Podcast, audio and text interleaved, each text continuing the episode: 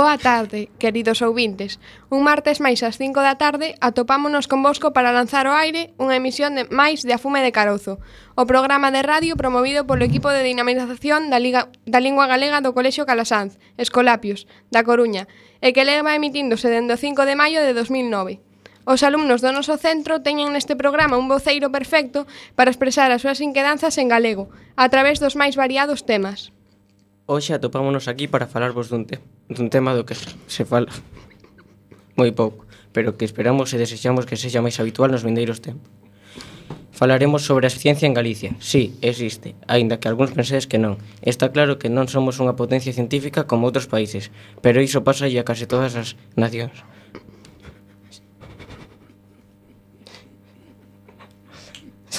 Xa que a produción científica está en de bastante tempo. concentrada nuns poucos países e centros de investigación, comunidades, universidades e grandes empresas. Pero long pero ao longo da nosa historia xa tivemos persoeiros de certo peso que fixeron as súas achegas científicas nos máis diversos campos, como se comprobaredes. Os seus nomes non son moi coñecidos, pero tamén é certo que moitas rúas das nosas cidades levan os nomes de algúns deles para honrar a súa figura ante o descoñecemento casi será da poboación común. O si, imos intentar que ese descoñecemento non sexa tanto. E tampouco debemos esquecer algúns colectivos ou empresas que formaron no pasado e que melloraron o coñecemento científico de Galicia, como o Seminario de Estudos Galegos, a Misión Biolóxica de Galiza, a Granxa de Experimentación Agrícola del Viña, o Semago e Gondo, etc.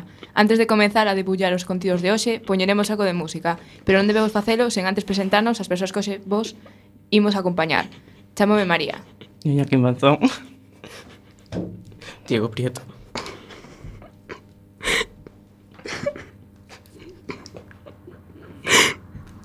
Eu son Paula Peña Fornias. A música que nos acompaña hoxe será do disco O Berro Seco, edit... editado polo grupo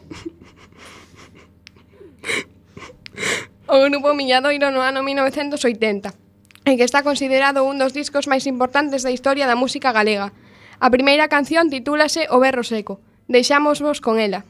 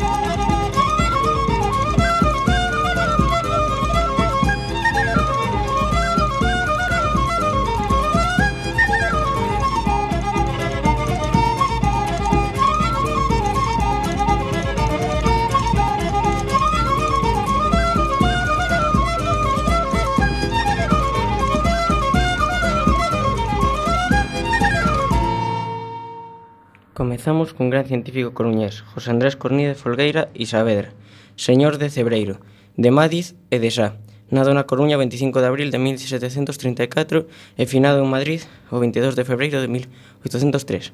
Foi un xeógrafo, naturalista e humanista galego, membro sobranceiro do movimento ilustrado. O seu pai foi asesor do vicerrei de Nova España, alcalde de maior da Real Audiencia de Galicia. Herdou os títulos de señor de Mariz, Sa Amoieiro e Cebreiro. O seu tío nomeou un heredeiro universal dos seus bens. Isto permitiulle unha posición desafogada no económico e independencia das súas opinións. Estudou na Humanidades na Universidade de Santiago de Compostela. Ingresou na Academia de Historia aos 21 anos. En 1763 foi rexedor do Consello da Coruña. En 1766 converteuse en rexedor perpetuo do de Cocello. Foi fundador en 1765 da Academia de Agricultura del Reino de Galicia e primeiro secretario perpetuo da Real Academia de la Historia, 1802-1803. Entre outros cargos, ao longo da súa vida realizou completos estudos sobre historia, xeografía e economía, fundamentalmente da Galiza. Estableceu relación e correspondencia coas figuras máis relevantes da ilustración española, como padre Enrique Flórez, co cartógrafo Tomás López e, sobre todo, con Gregorio Mayans. En 1789 desprazouse a Madrid, polo que tivo que abandonar os seus cargos e actividades en Galicia. A finais do século XVIII foi comisionado para unha viaxe a Portugal xunto a Melchor de Prado e Carrillo de Albornoz, onde terían que levar a efecto unha misión secreta encargada por Godoy, pola que tiñan que coñecer e avaliar a potencia militar luso. Esta viaxe recompilouse en tres volumes que se publicaron a finais do século XIX. Elaborou unha gran cantidad de mapa, entre os que destacan o da diócese de Ourense e da Mondoñedo, Realizou numerosas crónicas de viaxes, como o viaxe desde Coruña a la corte, ademais de cultivar literatura, tanto en castelán como en galego. Aínda que os seus notables poemas na nosa lingua actualmente están perdidos. As súas obras publicadas máis importantes foron Memoria sobre la pesca de la sardina nas costas de Galicia, 1774, Historia natural de los peces y otras especies marinas de Galicia, 1788. Las casitérides o islas del estaño, restituidas a los mares de Galicia. Disertación crítica en la que se procura, procura probar que estas islas no son las Orlingas, como pretende en su obra Britannia, William Capden, y sí las de la costa occidental del Reino de Galicia. Investigaciones sobre la fundación y la fábrica llamada Torre de Hércules, situada a la entrada del puerto de La Coruña. Estado de Portugal en el año 1800. Na cidade da Coruña leva o seu nome unha pequena rúa empinada que vai de Alfonso Molina a Federico Tapia, na zona onde, onde remata a rúa Juan Flores. Tamén hai un colexio de primaria, a carón do Instituto da Sardiñeira, que o lembra. E o Instituto de Estudios Coruñeses Xosé Cornide deixa claro que foi un dos sabios moi eminentes que naceu na nosa cidade.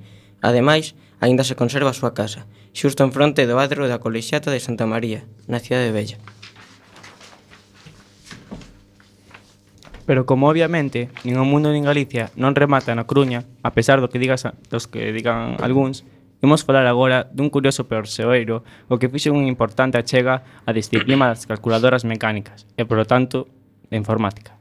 Ramón Silvestre Berea García, nado o 11 de decembro de 1833 en Curantes, a Estrada, e falecido en Buenos, en Buenos Aires o 6 de febreiro de 1899. Foi un escritor e inventor galego. Logo de estudar en Santiago de Compostela, emigrou a Cuba, onde traballou como mestre e escribiu dúas novelas, La Cruz de Piedra e Unha, unha mujer con dos maridos. En 1865 trasladas a Nova York, onde inventará a súa máquina de calcular. O goberno americano concedeulle o patente o 10 de setembro de 1878, o mesmo ano no que gañou unha medalla da Exposición Mundial de Inventos de Cuba. Tamén estivo tras a construción dunha máquina para dobrar xornais. Tras un tempo, trasládese de novo a Guatemala, exiliado pola súa forte oposición á política colonialista americana, e despois a Bos Aires, Nesa cidade fundaría a revista O Progreso e seguiría publicando e exercendo de xornalista. Morreu só e pobre na capital argentina, sendo soterrado nun panteón anónimo do Camposanto do Oeste. O seu invento principal foi unha calculadora, unha máquina dos duns 20, 23 kg de peso, 35 cm de longo, 30 cm de ancho e 20 de alto, capaz de sumar, multiplicar e dividir números de nove cifras, admitindo ata seis números no multiplicador e 15 no produto. A multiplicación resolvía mediante un método directo baseado nun mecanismo pa patentado por Edmund Barbour en 1872, que empregaba un sistema que obtiña valores dunha dunha táboa de multiplicar codificada de xeito similar ao sistema Braille. O aparello podía resolver unha operación de 698.543.728 por 89.7689 eh, en 20 segundos, unha velocidade sorprendente para a época. Non entanto, Berea non perseguía máis que demostrar que os españois, e non digamos os galegos, podían inventar igual que os americanos, polo que o seu invento só deixou pagada na historia na, da computación como base para futuras máquinas, como de Otto Steiger. Os grandes xornais americanos loubaron o invento. A súa máquina converteu conservarase nos depósitos da sede central de IBM, en White Plains, Nova York, formando parte da colección iniciada en 1930 por Thomas J. Watson, señor presidente e fundador de IBM. Non nos consta que na nosa cidade ni nas outras grandes cidades galegas exista unha rúa ou outro tipo de equipamento público que leve o seu nome. Supoñemos que se debe a que é moi coñecida a súa figura. Despois de coñecer estes dous interesantes galegos, imos escoitar a segunda peza musical, neste caso a canción A Cruz Abella, do grupo Miñadoiro. Música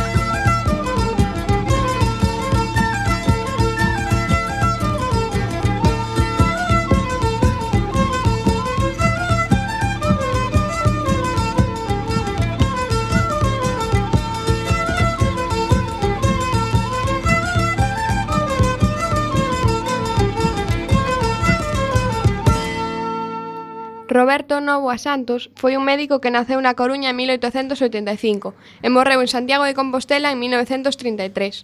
Foi catedrático de Patoloxía Xeral por as Universidades de Santiago de Compostela e Madrid. Deu conferencias en Francia, Alemanha, Austria, Cuba, Argentina e Uruguai. Logo de estudar Medicina en Santiago de Compostela, comezou unha docencia como profesor auxiliar de Patoloxía Xeral na Facultade de Medicina de Santiago – En 1911 foi a estudar Filoloxía e Patoloxía a Francia, Austria e Alemaña, cunha bolsa da Junta de Ampliación de Estudio. Nesta estudia, nesta estudia publicou un total de seis traballos científicos. A súa volta obtivo a Cátedra de Patoloxía en Santiago. Deixou máis de 200 traballos publicados. No seu haber, esta fundación é a dirección de varias revistas de, de divulgación científica e a potenciación de foros médicos en Galicia. O seu Manual de Patología General en 1916 foi un dos libros de medicina con maior número de edicións e de uso común ata hai poucas décadas en todo o mundo hispano. Canso de aturar inquidades e inercias do pasado na bella facultade de Fonseca, presentouse unhas oposicións para o ter traslado a Madrid en 1928, arrastrando a capital a boa parte do equipo de xoves investigadores que tiña en Santiago. Na Universidade Central quedou a súa pegada docente e a súa escola de investigación durante a meia dúcia de anos, que lle permitiu vivir un cancro. Pouco tempo antes de morrer, Novoa iría a Argentina durante 4 meses a explicar un curso en 1932, formando parte da cúpula da JAE, como xa fixera anteriormente, en 1928, en Cuba. Na nosa cidade hai unha rúa que, unha rúa que leva o seu nome, moi cerca do Parque Europa. Agora pasamos dos seres humanos ás plantas e animais. Víctor López Seoane foi un zoólogo e botánico nado en Ferrol e morto na Coruña en 1900. Foi un naturalista galego, probablemente o máis importante do século XIX, que realizou, realizou importantes traballos sobre a fauna e flora de Galicia, especialmente nos eidos de entomoloxía, a ornitoloxía e herpetoloxía. A súa fama foi recoñecida por numerosos expertos nacionais e estranxeiros, algúns dos cales deron o seu nome para catalogar e bautizar novas especies de plantas, como a serrátula, e un crisantemo, insectos como o dorcanión xeonei ou cebrio xeonei, e reptiles, como a vípera xeonei. Entro, en esta última, denominada comúnmente víbora de xeone, é posiblemente a máis característica da herpetofauna galega. Foi bautizada co seu nome polo zoólogo francés Lateste, en recoñecemento ao eminente labor de Víctor Xeoane. Estudou bacharelato en Santiago de Compostela e marchou posteriormente a estudar a Madrid, onde cursou as carreiras de Medicina e Ciencia simultaneamente. Proseguiu estudos en Andalucía. Unha vez rematada a carreira de Medicina, volveu a Galiza en 1862. En 1874 comeza os estudos de Dereito en Santiago, obtendo a, li a licenciatura na Universidade de Oviedo. En 1870 publicou un catálogo sobre aves, aves nuevas de Galicia, no que inclúe unha nova especie de peto picapinos. Pica En 1876 comezou a estudiar os reptiles galegos, publicando xa no ano seguinte a primeira publicación específica neste tema, Reptiles e anfibios de Galicia. Identificou por primeira vez para a ciencia unha especie de lagarta, Podarcis bocagei, en 1884, e unha rá, Rana Perechi, en 1885, comuns en Galicia. En 1885 redactou o capítulo dedicado á historia natural galega na obra enciclopédica Historia de Galicia, dirixida por Manuel Murguía, con quen asistía ás tertulias da Cova Céltica. Formou parte das principais sociedades e academias científicas de Europa, de zooloxía, botánica, entomoloxía e xeoloxía, así como da Academia Médico-Cirúrxica de Madrid.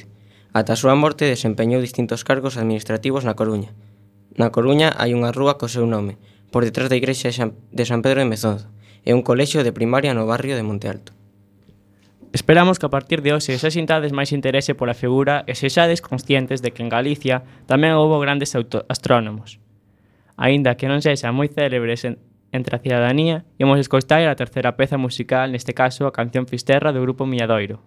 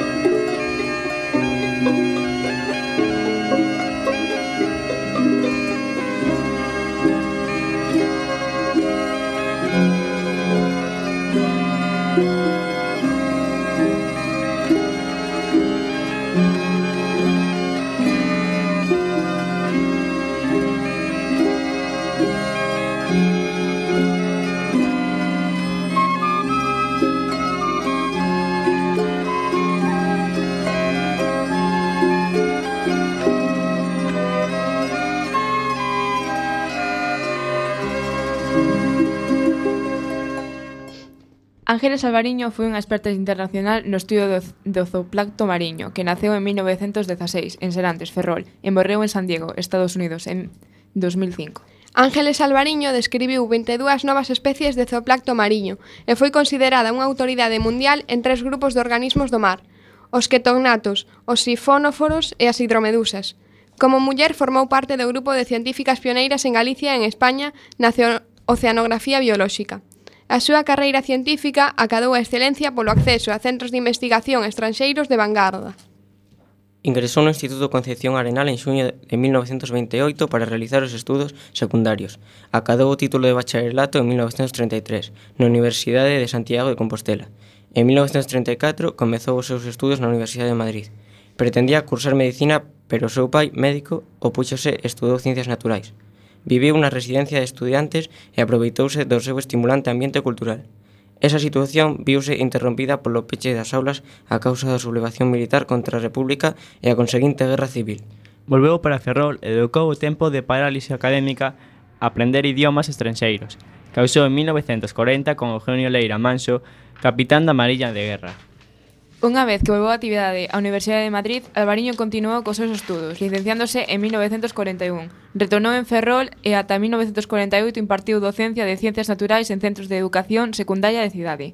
Ese ano trasladouse coa súa familia a Madrid e iniciou a súa carreira investigadora como bolseiro no Instituto Español de Oceanografía, IEO, formando parte da segunda xeración de oceanógrafas españolas. En 1952 foi nomeada axudante de laboratoria con destino no laboratorio do IEO en Vigo. A carreira profesional de Alvariño deu un paso decisivo cando en 1953 recibiu unha bolsa do British Council para realizar investigación sobre zooplacto no Laboratorio de Bioloxía Mariña de Plymouth, Inglaterra. Alí, durante dous anos, traballou co salientable biólogo mariño Frederick Straten Russell no estudo de diferentes grupos de zooplacto, ketognatos, medusas, sifonóforos e cetonóforos. Dese xeito iniciou o camiño que a levaría a converterse nunha experta mundial neses grupos de zooplancto e no do ictioplancton, ovos de larvas de peixes. Atribúeselle o feito de ser a primeira científica que traballou a bordo de buques de exploración británicos. En 1955, ao remate da bolsa de Plymouth, volveu ao laboratorio de Vigo, continuou co estudo do placto e comenzou a deseñar a fábrica redes de placto que basaba os barcos pesqueiros e aos buques de investigación para a recollida de mostras. Iso permitiu estudar a zooplacto do Atlántico Ibeiro, do mar Mediterráneo e de Terranova. A Semade realizou estudos sobre o contido estomacal do bacallau e outras especies. Os seus primeiros traballos de investigación aparecerán no boletín do IEO entre 1951 e 1957. O principal grupo biolóxico no que focalizaba as súas pescudas, os que ketonactos son seres que posúen un interés especial debido a súa utilización como indicadores de determinadas condicións ambientais e pesqueiras en Estados Unidos se atopaban os principais expertos na materia. Por iso, ali marcharía Albariño para completar a súa formación. Obtivo unha bolsa da Fundación Fulbright para ir traballar a Massachusetts, onde colaborou durante os anos 1956 e 1957 con Mary Sears, zooplactóloga, experta en sin, sinfonóforos e presidenta do primeiro Congreso Internacional de Zonografía. Posteriormente, Sea recomendaría a Roger Rebel, Rebel director doutro Instituto Oceanográfico Californiano. Nesa institución traballou desde 1958 ata final de 1969, período no que obtivo diferentes bolsas de estudo nos Estados Unidos. Estableceuse en La Joya, barrio acomodado de San Diego, uníndose ao seu marido en 1967, ao retirarse da Mariña. En 1966 obtivo a cidadanía norteamericana. Estudou miles de mostras planctónicas obtidas nos océanos Atlántico, Pacífico e Índico. Abundaban as procedentes da área de California, pois desde 1950 naqueles augas realizábanse mostraxes mensuais de plancton, motivadas pola desaparición dous anos antes da sardiña de California e da industria conserveira regional. O material de estudo recollido entre 1952 e 1965 daría lugar a un singular traballo, Los Quetonatos del Atlántico, distribución e notas esenciales del sistema en 1969, polo que obtivo o doutorado en Ciencias Sección Biolóxicas, polas Universidades de Madrid en, de Madrid en 1967. Nel estudou material recollido entre 1952 e 1965. Describiu unha trintena de especies, incluindo a revisión dos caracteres morfolóxicos esenciais das mesmas, ilustracións e notas complementarias sobre os diferentes estados de madurez sexual. En 1970 ingresou nun prestixioso Instituto de Investigación de California. Alí xubilouse en 1977. Se ben pasou a categoría de científico emérito e puido continuar coas súas pescudas. Nese período realizou diversas estadías como profesora asociada ou visitante ás Universidades Autónoma de México, Federal de Panadá, Brasil, San Diego e no Instituto Politécnico Mexicano. A investigación de Alvariño centrouse na distribución xeográfica e na ecoloxía do zooplacto, especialmente a distribución de ketognatos e sinifóforos nos océanos Pacífico e Antártico, e nas relacións entre o zooplacto e o medio ambiente mariño. Examinou os efectos da depredación do zooplancto sobre a supervivencia de larvas de peixes e o impacto da pesca. Identificou especies que teñen un valor como indicadoras de correntes oceánicas e de outros elementos de dinámica oceánica. Tamén estudou o transporte artificial do plancto en novas áreas do océano. Entre 1977 e 1979 coordinou a investigación oceánica dos países hispanoamericanos.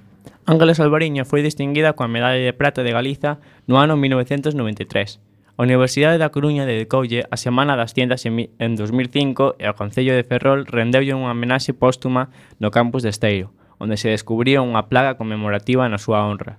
No ano 2012, o Instituto Español de Oceanografía, IEO, construiu, construiu un novo buque oceánico ao que lle puso como nome Ángeles Alvariño. Esperamos que coñecer a historia de Ángeles vos faga conscientes de que en Galicia tamén houbo e siga habendo grandes mulleres científicas, aínda que non sexan moi célebres entre a cidadanía. Imos escoitar a cuarta peza musical, neste caso a canción Muñeira Bella de Mordomo, do grupo Milladoiro.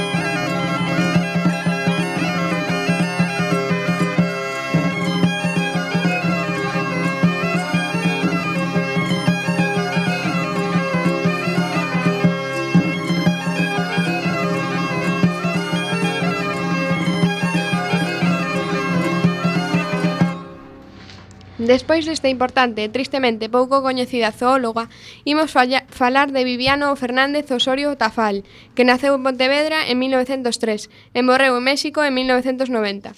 Foi biólogo e enxeñeiro agrónomo, aínda que, se cadra, destacou máis como alto funcionario en institucións internacionais.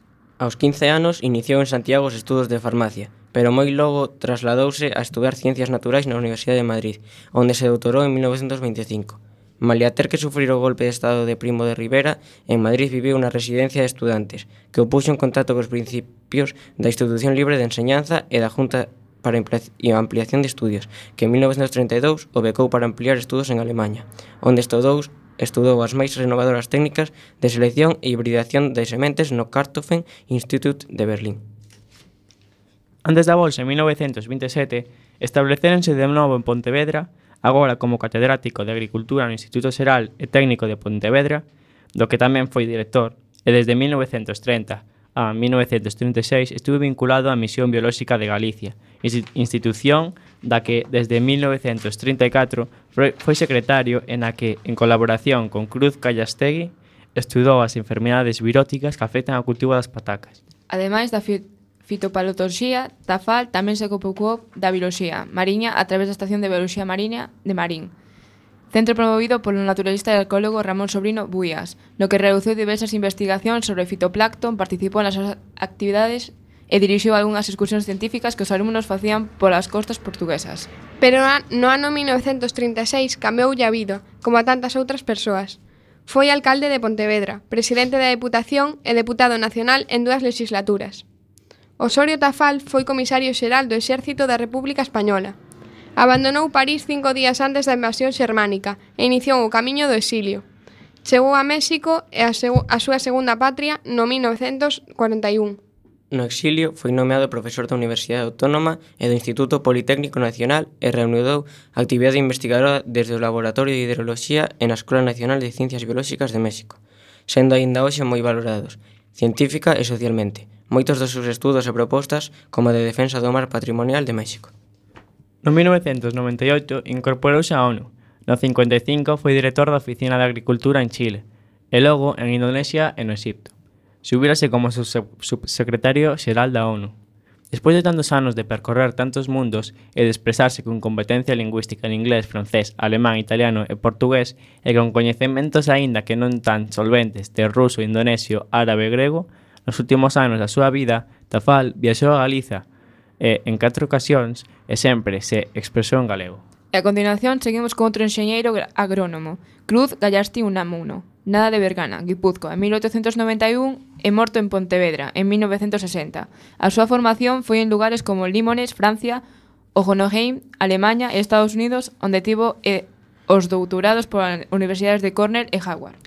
En 1921 desembarca, desembarca na Coruña e xunto co seu amigo Juan López Suárez convencen a Junta de Ampliación de Estudios, JAE, da que formaba parte o Premio Nobel Santiago Ramón y Cajal, para que se cree a, mes, a Misión Biolóxica de Galicia, un centro de bioloxía aplicada á agricultura. En abril de 1921 nace a Misión Biolóxica con sede en Santiago e Galastegui de director, no que agora é o actual edificio do Parlamento de Galicia, daquela Escola de Veterinaria e o primeiro que se fixo foi plantar millo na parcela de media hectárea da horta. Esta entidade foi a primeira de España e a segunda de Europa en facer traballos de hibridación de cereais. Principalmente traballaron na hibridación do millo e o ondazo da tinta dos castiñeiros. Ademais, doutros estudos xenéticos e foi grande impulsora da mellora e da modernización da agricultura galega. A misión permaneceu en Compostela, de 1921 a 1926, ano ah, no que se quedou sen local ao desaparecer a Escola de Veterinaria, pero en 1927 vai para Pontevedra, primeiro na finca de Tablada e máis tarde na Gran Sepazo de, Gar de Gandarón, en Salcedo, onde aínda se ubica a actualidade. A pesar das incertezas que provocou a Guerra Civil en 1939, a misión biolóxica pasa a depender do Consello de Investigación Científicas como aínda é agora. En 1945 concedeulle concedeuselle a encomenda do Cabaleiro de Orde do Mérito Agrícola e o ano seguinte a Gran Cruz de Alfonso X Sabio. Dirixiu a misión ata o momento mesmo da súa morte, moi preto da súa mesa do laboratorio, en 1960. En 1660, 1962, a Revista de Economía de Galicia, en cuxa estación tamén participou, dedicoulle un número especial baixo o título Homeñaxe a Gallastegui. Imos escoitar a quinta peza musical, neste caso a canción Na Cova da Barxa, do grupo Milladoiro.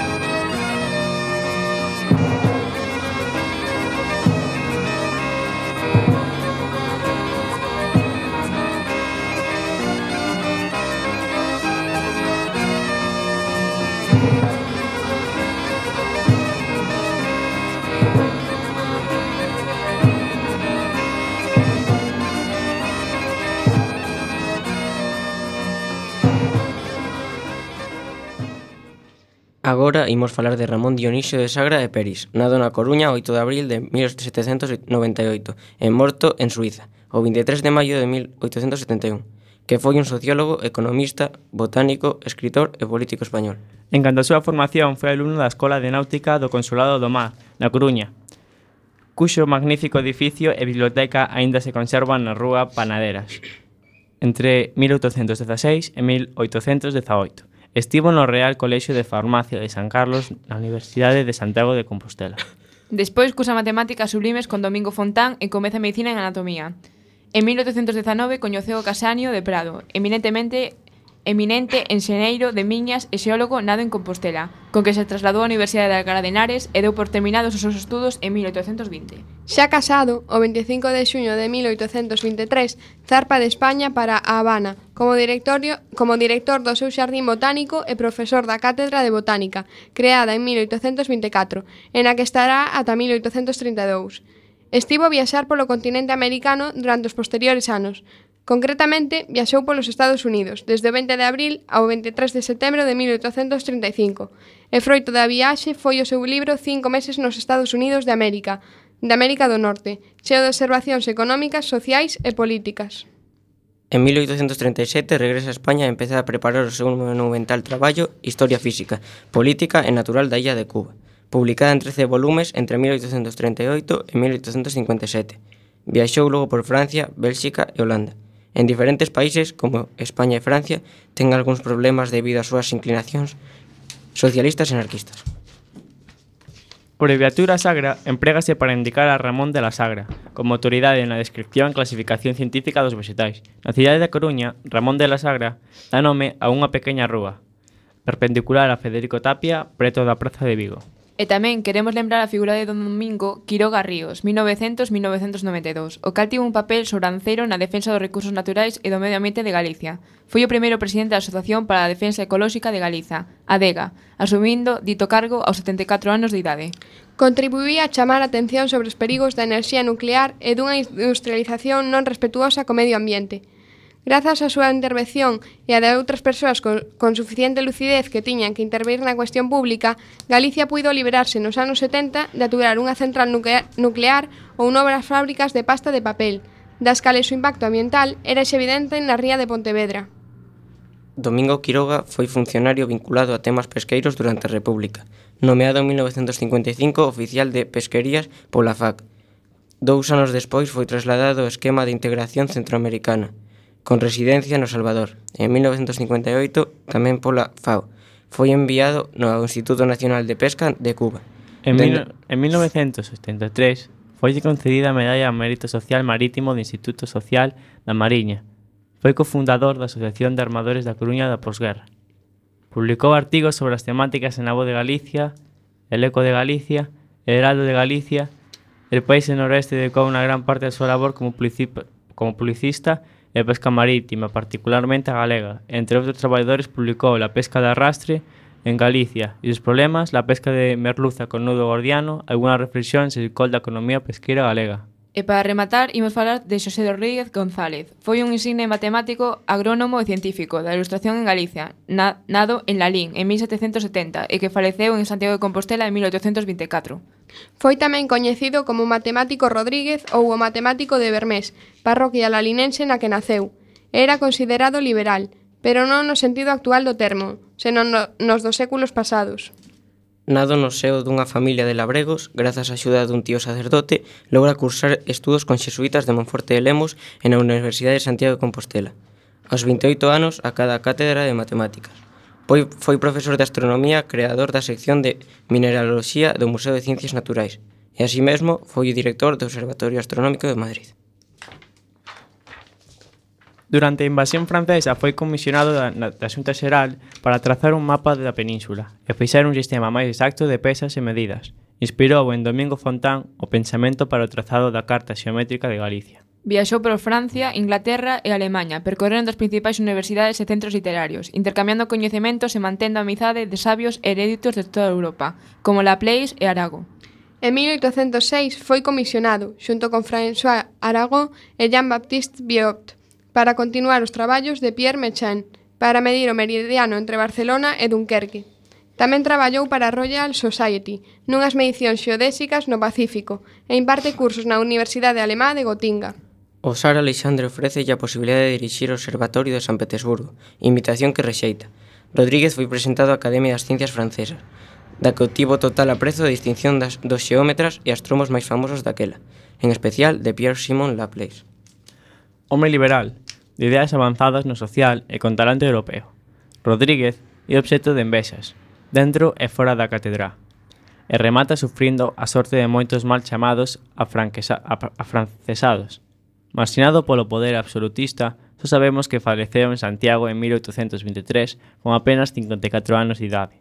En ignorada tumba reposa os restos deste home a quen historiadores recordan como unha das grandes lumieiras da ciencia española. Segundo os seus cálculos, o centro xeográfico de Galicia está na parroquia de Bermes, en Lalín, casualmente onde el naceu.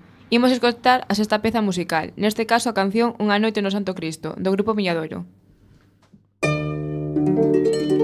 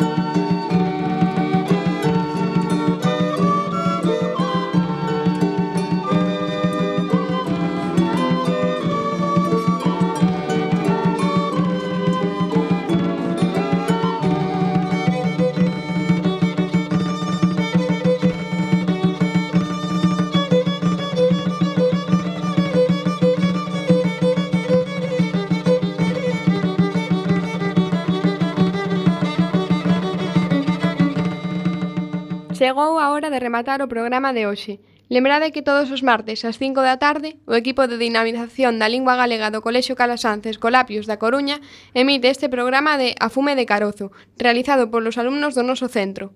Hoxe, os presentadores fomos Paula Peña Fornias, Diego Prito Gómez, En Infantón García, María Pepe López. A Fume de Carozo. A fume de...